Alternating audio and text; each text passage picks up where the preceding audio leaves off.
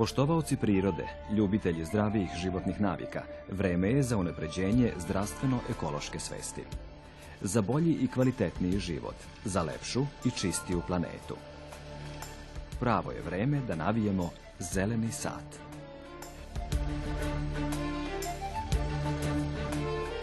U središtu ove priče je čovek koji, razvijajući svoj mikrokosmos na duhovnom, mentalnom, emotivnom i fizičkom planu, može biti bolji sebi, svojim bližnjima, svom neposrednom okruženju, kosmosu.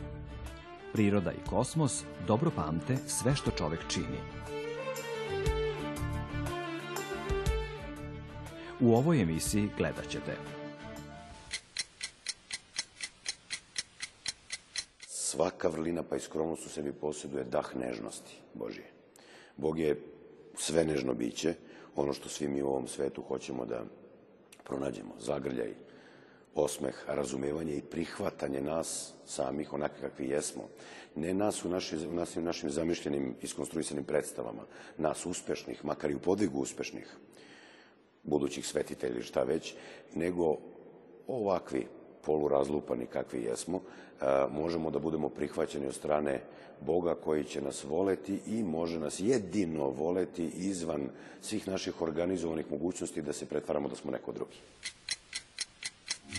Sada ćemo vam pokazati kako u kućnim uslovima možemo da pripremimo mast za usne ili popularniju grožđanu mast. Mast za usne nego i štiti usne od isušivanja i pucanja, koristi se u zimskom periodu da štiti usne od spoljašnjih uticaja vetra i hladnoće.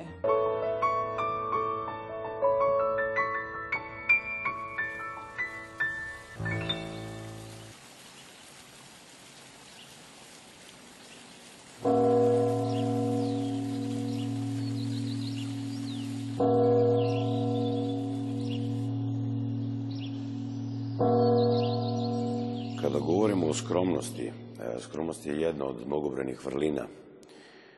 Predstavlja jedan cvet u toj bašti, u tom buketu vrlina hrišćanskih i kao i svaka druga vrlina, ona se zasniva na duhu smirenja. Smirenje je svojvrstno gorivo za sve vrline. Bez smirenja nijedna vrlina nije autentična, nego uvek ima svoje početke u duševnom čoveka, znači u psihologiji, ali se, nažalost, tako i završava. Kada govorimo o duhovnim vrlinama, koje svet, kako kaže Hristos, ne poznaje i koje označavaju njegovu karakternu osobinu, kao što su govorili mnogi sveti oci i starci naših dana, recimo Tade Vitovnički je neprestano insistirao na vrlini smirenja kao karakternoj osobini Hristovoj. Činjenica da je Bog, Bogo čovek od Hrista pa na ovamo, omogućava da sve ono što prepoznajemo kao karakterne osobine kod nas ljudi više nije samo stvar psihologije, nego je stvar bogočovečanstva, stvar Božja. Pošto je Bog poneo određenu psihologiju i zatkavanu kao ćilim od starog zaveta do bogodjeve, kako kažu rani oci, taj ćilim je gospod nasledio vrlo genetski od strane svoje majke i svaka karakterna osobina Hristova predstavlja mogućnost da, da se duševno čoveka, krštenog u Hrista, u crkvi, pretoči u vrlinu.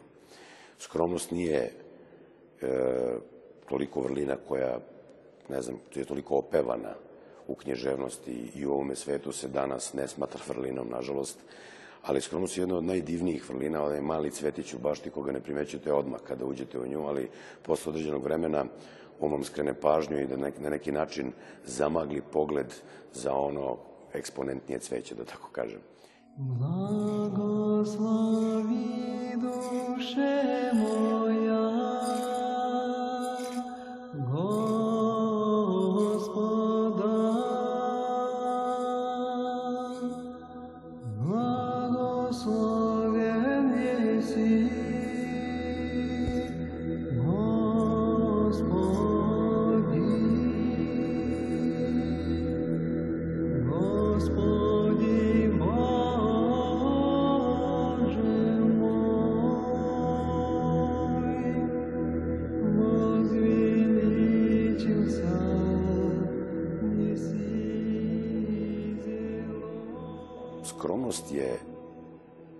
Tačna reakcija na Hristovu karakternu osobinu prinošenja celoga sveta svome Bogu i Ocu.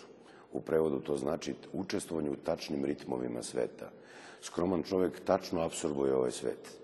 Nije stvar u tome da se on ograničava e, i da suzbija neke svoje unutrašnje porive zarad nekog velikog duhovnog plusa koga će usput tokom svog duhovnog podviga steći zarad nekog nebeskog aplauza ili nešto tome slično, nego pre svega zbog prinošenja Bogu onoga što može da postane suvišak. Jer ljudi nemaju tačnu meru u, u upotrebljavanju ovoga sveta. Svet je naravno čoveku dat na upotrebu koja može da bude sveštena, čitajte liturgija, a može da bude i eksploatišuća, čitajte industrija. Ne govorim protiv industrije načelno, ali kažem da industrializacija potrebe, koja je sve primetnija u savremenom svetu, dovodi do mnogih e, nezadovoljstava dubokih, duhovnih kod pojedinaca i grupa i za posljedicu ta nezadovoljstva dovode do psihopatoloških stanja kojima svet preobiluje danas. Tako da nije šala da li se ima ili se nema, ne posude određena vrlina. Za nas hrišćane to je način života. Mi prosto nemamo rezultate kad smo zadobili neku vrlinu. Jer onog momenta kada nešto prepoznamo kod sebi, damo sebi plus, onda ličimo na čovjeka koji se, nekog narcisa koji se ogleda u ogledalo i divi se sobstvenoj lepoti. I onda takav čovjek, naravno, kliširan sobstvenim predstavama o sebi, ima potrebu da propoveda sebe na svakom koraku i da traži gotovo halapljivo apsorbuje povoljne po njega reakcije publike. I u stvari on glumi vrlinu i to se u hrišćanskoj terminologiji antropologiji zove prelest. Poseban oblik duhovne samoobmane koja ne zahvata samo duhovno, nego i duševno i telesno rečju celog čoveka. Moji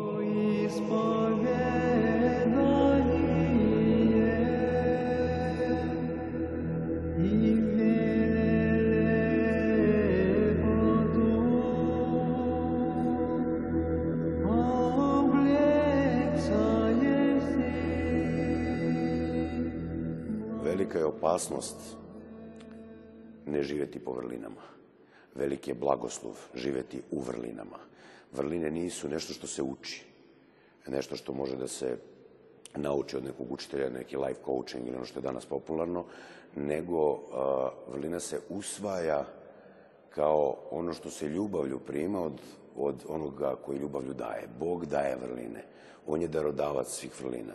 Tako da dolazimo do jednog zaključka, mada priča sa zaključcima o stvarima koje su iznad zaključaka, jer zaključak je definicija i nešto, nešto blisko definiciji, pa negde uramljuje i ograničava ono o čemu se priča. E, ali da kažem, uslovno rečeno, prvi zaključak bi bio da je svaka vrlina, pa time i skromnost, tačna reakcija na blagodat Božju. Bog svakome pruža svoj poziv ljubavni, čovek u onoj meri u kojoj organizuje na tačan način svoje osluškivanje ovog božanskog poziva, čitajte crkveni hrišćanin, on za posljedicu ima prosijavanje božanskoj svetlosti kroz njegovu dušu kao kakav dijamant. Pa sad u zavisnosti kakav, da li on opal, safir, topaz, ametist, takva i svetlost prosijava. Mi smo svi različiti. Iako smo najmanje zajednički sadržaj da smo svi po ikoni Božije. Ali smo različiti. I tar, to različito, različito prosijavanje i odsijavanje Hristove svetlosti od nas jeste ljudima prepoznatljiva svetlost vrlina. Pa recimo možemo da se igramo rečima i da kažemo, na primjer, da je smirenje onaj čisti dijamant, bezbojan, ali čist dijamant kao voda, pa možemo da kažemo da je ljubav poput zlatnog e, zraka sunca koji prolazi kroz opal, pa bismo mogli da kažemo da je recimo smirenje nežno plavi safir ili tako nešto. To je sve uslovno, igramo se rečima, ali da bi e, ljudi donekle shvatili o čemu se ovde radi. Otvorenost za Hrista daje mogućnost sađenja vrlina u duši, koje kasnije, kada preovladaju, naravno uz blagovremenu i tačnu čovekovu saradnju, mogu da postanu njegova karakterna osobina, jer kako rekoše oci, navika postaje određenim, ako se upražnjava određeno dugo, dovoljno dugo, postaje druga priroda. I mi zadobijemo drugu prirodu koja je vesnica nečeg drugog osim smrti nismo više samo oni koji su rođeni za smrt ili da kažemo živući, umirući ljudi. Oni koji žive da bi umrli, nego smo oni koji živimo za večnost. I to prosijavanje nema potrebu da se reklamira, kako to danas se radi. E, ono je diskretno, gotovo tiho i tajno i oni, što kaže Hristos, koji imaju oči da vide i uši da čuju, oni to prepoznaju. Я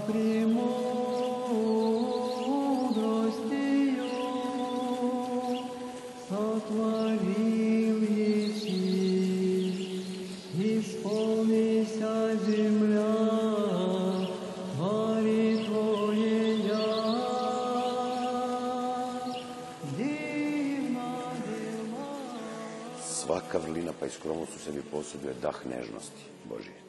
Bog je sve nežno biće, ono što svi mi u ovom svetu hoćemo da pronađemo, zagrljaj, osmeh, razumevanje i prihvatanje nas samih onakve kakvi jesmo. Ne nas u, naši, u nas, u našim zamišljenim, iskonstruisanim predstavama, nas uspešnih, makar i u podvigu uspešnih, budućih svetitelja ili šta već, nego ovakvi polurazlupani kakvi jesmo, a, možemo da budemo prihvaćeni od strane Boga koji će nas voleti i može nas jedino voleti izvan svih naših organizovanih mogućnosti da se pretvaramo da smo neko drugi. Može nas voleti preko toga i bez toga. A, zato svaka vrlina opušta. Treba i to reći. Čovjek u vrlini je krajnje opušten čovjek. On nema potrebu za utiskom, krajnje spontan ili da kažem bogopodobno spontan, kao što reče jedan svetogorac svoje vremeno. I ta bogopodobna spontanost nekako uh, kroz reč ili kroz energisanje čoveka, da li u komunikaciji sa drugim čovekom ili u nekom pokušaju utehe drugog čoveka, donosi mir. Kakva je uloga konkretno skromnosti u svemu tome? Uh, Postoje razni razlozi za skromnost.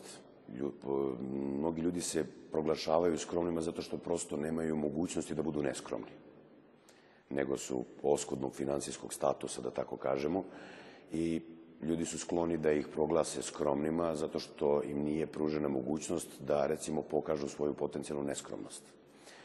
Po onoj reči, lako je biti, ne biti lopov u praznoj radnji i bez kamere i tako dalje. E, međutim, skromnost je nešto mnogo, mnogo dublje od toga. Skromnost izvire iz tačne svesti od sebi sprem tačne ljubavi prema Bogu. Ako pojmim na autentičan način da sam smrtan svakog časa, sve što ću ikada uraditi, sve što ću ikada postići, sve što ću ikada zagrliti, bit će mi oteto, oduzeto, nestaće, efemerno je. Nije to misao koja vodi ka nekakvoj depresiji i nekakvom učmalom pesimizmu, nego i je realna. Mi možemo da se zaluđujemo i svedoci smo čitavog zalančavanja ideologije od antike pa do danas, koje pokušavaju da zašećere tragediju. Ali opet su Grci bili dovoljno korektni da su pored filosofije ostavili tragediju kao poseban, posebnu odapetu strelu duha u ime istine i poštenja i prema istini da je sve smrtno i prolazno i da ništa sve prestaje u ovome svetu. Ako to znamo i malo poživimo, odživimo u nekim 30. 40. godinama, tačnije pre ili kasnije, neminovno ćemo shvatiti da je čovjek biće satkano od snova i malih mogućnosti.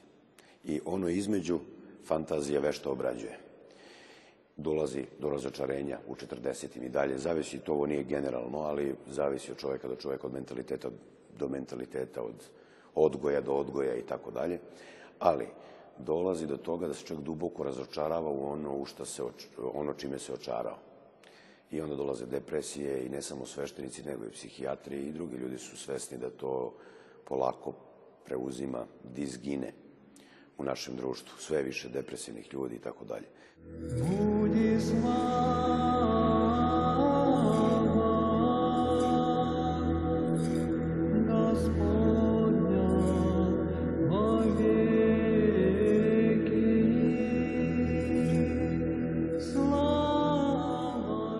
Skromnost čoveka umiruje. Pod brojem jedan ona ga uči da ne brza u ovome svetu. Suprostavlja ga glavnom faktoru čovekovog poraza od strane vremena, a to je brzina. I onda počinje polako da se suprostavlja brzini tišinom. Utišava se, umiruje se. Shvata da je u životu mnogo bitnije da bude sabran nego svuda prisutan. Jer brzina traži svuda prisutnost. Ako mogu da dođem od tačke A do tačke B, na brz način, onda ću moći do tačke C i do tačke D i do drugih tačaka. I u naučnoj fantastici super brzina bi čak omogućila da se vratim u prošlost, čime bi osvojio vreme. Jer ono jedino relevantno vreme koje imamo je prošlost. Sadašnjost gotovo da ne postoji, guta je prošlost, a budućnost se još nije desila. I onda čovjek u trci za vremenom, da porazi vreme, da ga osvoji, jer zna da je vreme biće bića ovoga sveta, on onda pokušava da ovlada brzinom. Međutim, brzina vuče dalje od skromnosti. A skromnost vraća čovjeka tišini. Jer on je pre biće tišine nego biće brzine. Ima dve noge i može da bude i Karl Lewis i šta ja znam i da bude trkač, ali ne pratim to koji su savremeni trkači ovaj, na toliko metara, na ovoliko metara i može da pravi space shuttle ili šta god, ali osvajanjem brzine neće poraziti vreme, jer okosnica vremena nije samo prostor, nego smrt. Umreće. Neće na jedno mesto zakasniti, na mesto svog groba. I tu leži problem. Skromnost je ono što čoveka tačno ustrojava prema svim svetovima koji su u njemu i koji su izvan njega. On gleda u ovaj svet realno, kakav on jeste. Ne dozvoljava sebi suviške, jer zna da će kasnije tim suvišcima sebi gorko presuđivati. Jer je to neminovnost. On se umudruje da posmatra svet iz perspektive sutra, sutrašnjice. Dakle, on tačnije osvaja vreme, skroman čovek, nego poslenik brzine. To je glavna stvar. и ныне и присно, и во веки веков. Аминь. Ono što je najbitnije od svega u skromnosti, čime završavam ovu možda malo predugu priču, jeste da ni asketski uspeh, ni umnožavanje blagodati Duha Svetoga, ni neka vrsta, kako mnogi to zamišljaju, naivnog samozadovoljstva zbog osvajanja vrlinskog prostora nije ono zbog čega treba biti skroman, nego ono što jako približava čoveka svešteno dejstvo na liturgiji. Liturgija je uvek tačna, jer je uvek dovoljna. Ne traži, ne traži količinu veću, ničega, ni prinošenja, jedan hlebić, ceo Hristos, ceo univerzum, svako u tom univerzumu. Skromnost kao da proširuje liturgiju kao vrlina u svakodnevnom životu, drugim rečima liturgizuje stvarnost a, na jedan gotovo poetski način, u starom smislu te reči, stvaralački način, poetski način. A, jer sve ono što je suvišak u našem životu, ljudi smatraju da ne postoji ono što je suviše. Ali ja ću im reći da je kovčeg, ni kovčeg nije suvišak, iako će on istruliti pre čoveka u, u zemlji. Ništa nije suvišno u ovome, u ovome svetu, kažu ljudi, međutim, a, sve ono što nije na preku potrebu čoveku, čovek treba da prinosi Bogu.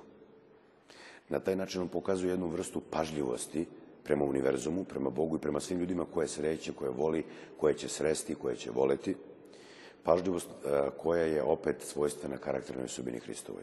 I na taj način on je u istim finim ritmovima te muzike ljubavi koju Hristos neprestano peva u crkvi, pa ko ima uši da čuje, neka čuje. Zato skromnost počinje od želim da volim. Ne samo da budem voljen.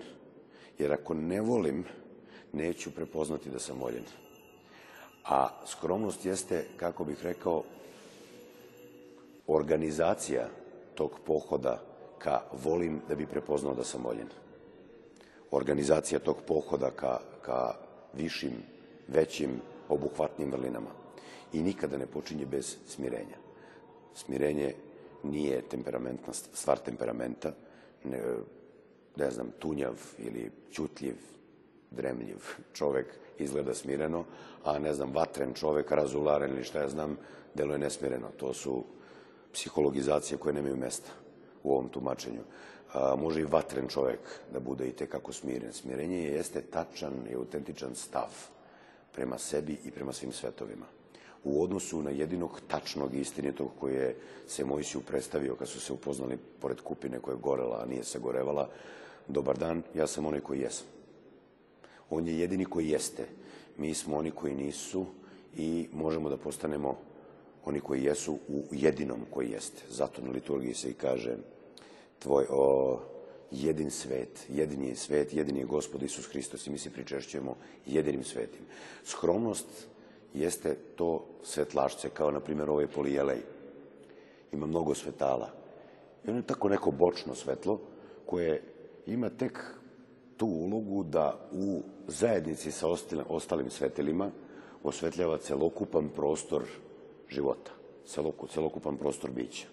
Mnogo sveća, mnogo svet, svetala. E, vrlina je jedno njih, ali ne ubrajamo kao kad nižemo matematički zbir jedinki, odnosno delova do celine, koja ne može nikako biti veća od zbira svojih delova u matematici, nego ovde je svaka sveća na polijeleju, kao što i svaka vrlina, prikazuje punoću Hristovog prisustva u crkvi, kroz crkvu na zemlji, baš kao što to čini ceo polijelej.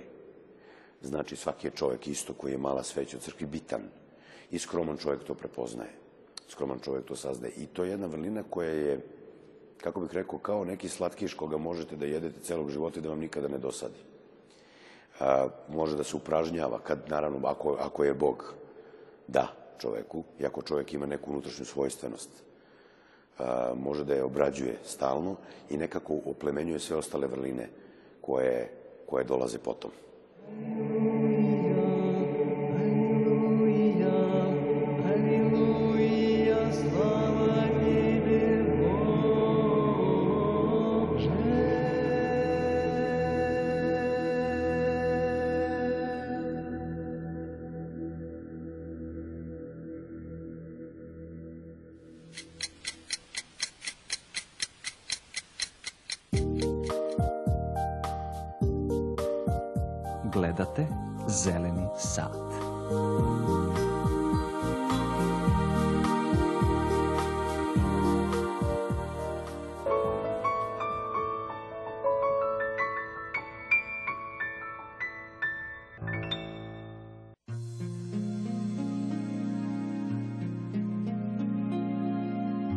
Sada ćemo vam pokazati kako u kućnim uslovima možemo da pripremimo mast za usne ili popularniju grožđenu mast.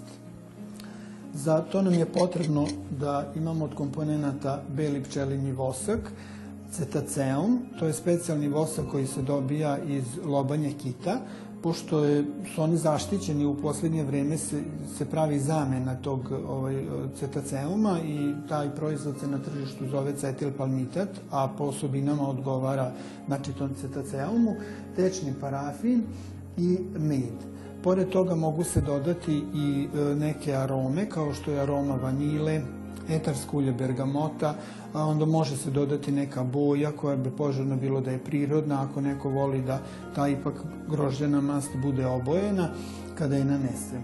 E, sada ćemo pristupiti odmeravanju komponenata. E, belog voska ide oko 8%.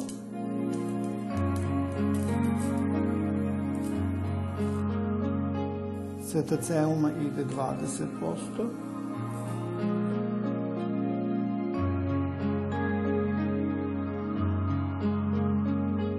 Sada dodajemo tečni parafin. On se koristi u koncentraciji od 70% na 100 grama, znači ide 70 grama.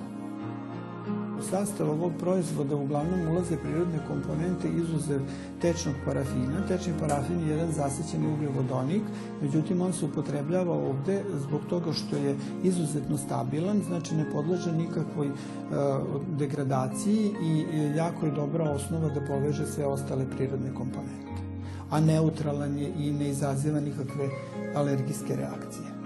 Dodat ćemo meda 0,5%, znači 0,5 grama meda. Pošto mi ne dodajemo nikakvu aromu, znači med dodajemo upravo zbog toga što se ne dodaje nikakva aroma, nismo dodavali ni etersko ulje bergamota, niti smo dodavali vanilu, nego smo dodali to i sada ove odmerene komponente se te otope na vodenom kupatilu, znači ne sme direktno da se topi, nego smo improvizovali vodeno kupatilo, uz mešanje i uz kontrolu temperature zagrevamo da se otopi ova masa kompletna. Kada se ova masa potpuno otopi, onda je direktno izlivamo u odgovarajuće pripremljene kalupe, to je skutice od 5 grama i ostavimo da se ona stvrdne. s tim je postupak završen.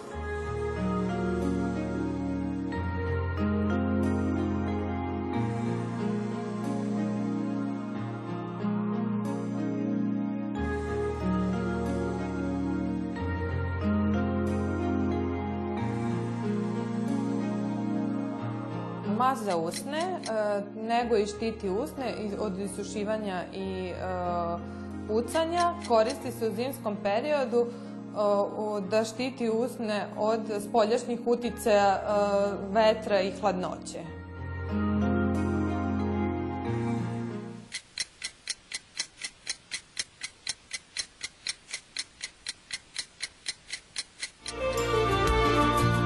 Ne zaboravimo da smo planetu Zemlju nasledili od predaka, a pozajmili od potomaka.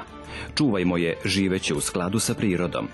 Ne zaboravimo da su prirodnost, smirenost, iskrenost, skromnost, zahvalnost i dobrota vrline, ali ne budimo skromni u ljubavi, razumevanju, praštanju, humanosti, znanju, kreativnosti. Pokrenimo se, postanimo bolja verzija sebe – Ne zaboravimo da istinska lepota uvek dolazi iznutra i ne postoji bolja kozmetika od sreće, a sreća i radost su stanje duha, sada i ovde. I nikako ih ne bi trebalo dovoditi u vezu sa materijalnim okolnostima. Ne bujmo svoju autentičnost slaveći život, ma gde bili pod kapom nebeskom. Ne zaboravimo da genetska predisponiranost, način života kao i okruženje u kojem živimo svakako utiču na naše zdravlje. Ono je bogatstvo koje po pravilu ne cenimo sve dok ne počnemo da ga gubimo. Na njega možemo uticati svojim dobrim i lošim navikama. Kako ćemo živeti, izbor je na nama. I naravno, ne zaboravimo da redovno navijamo zeleni sat.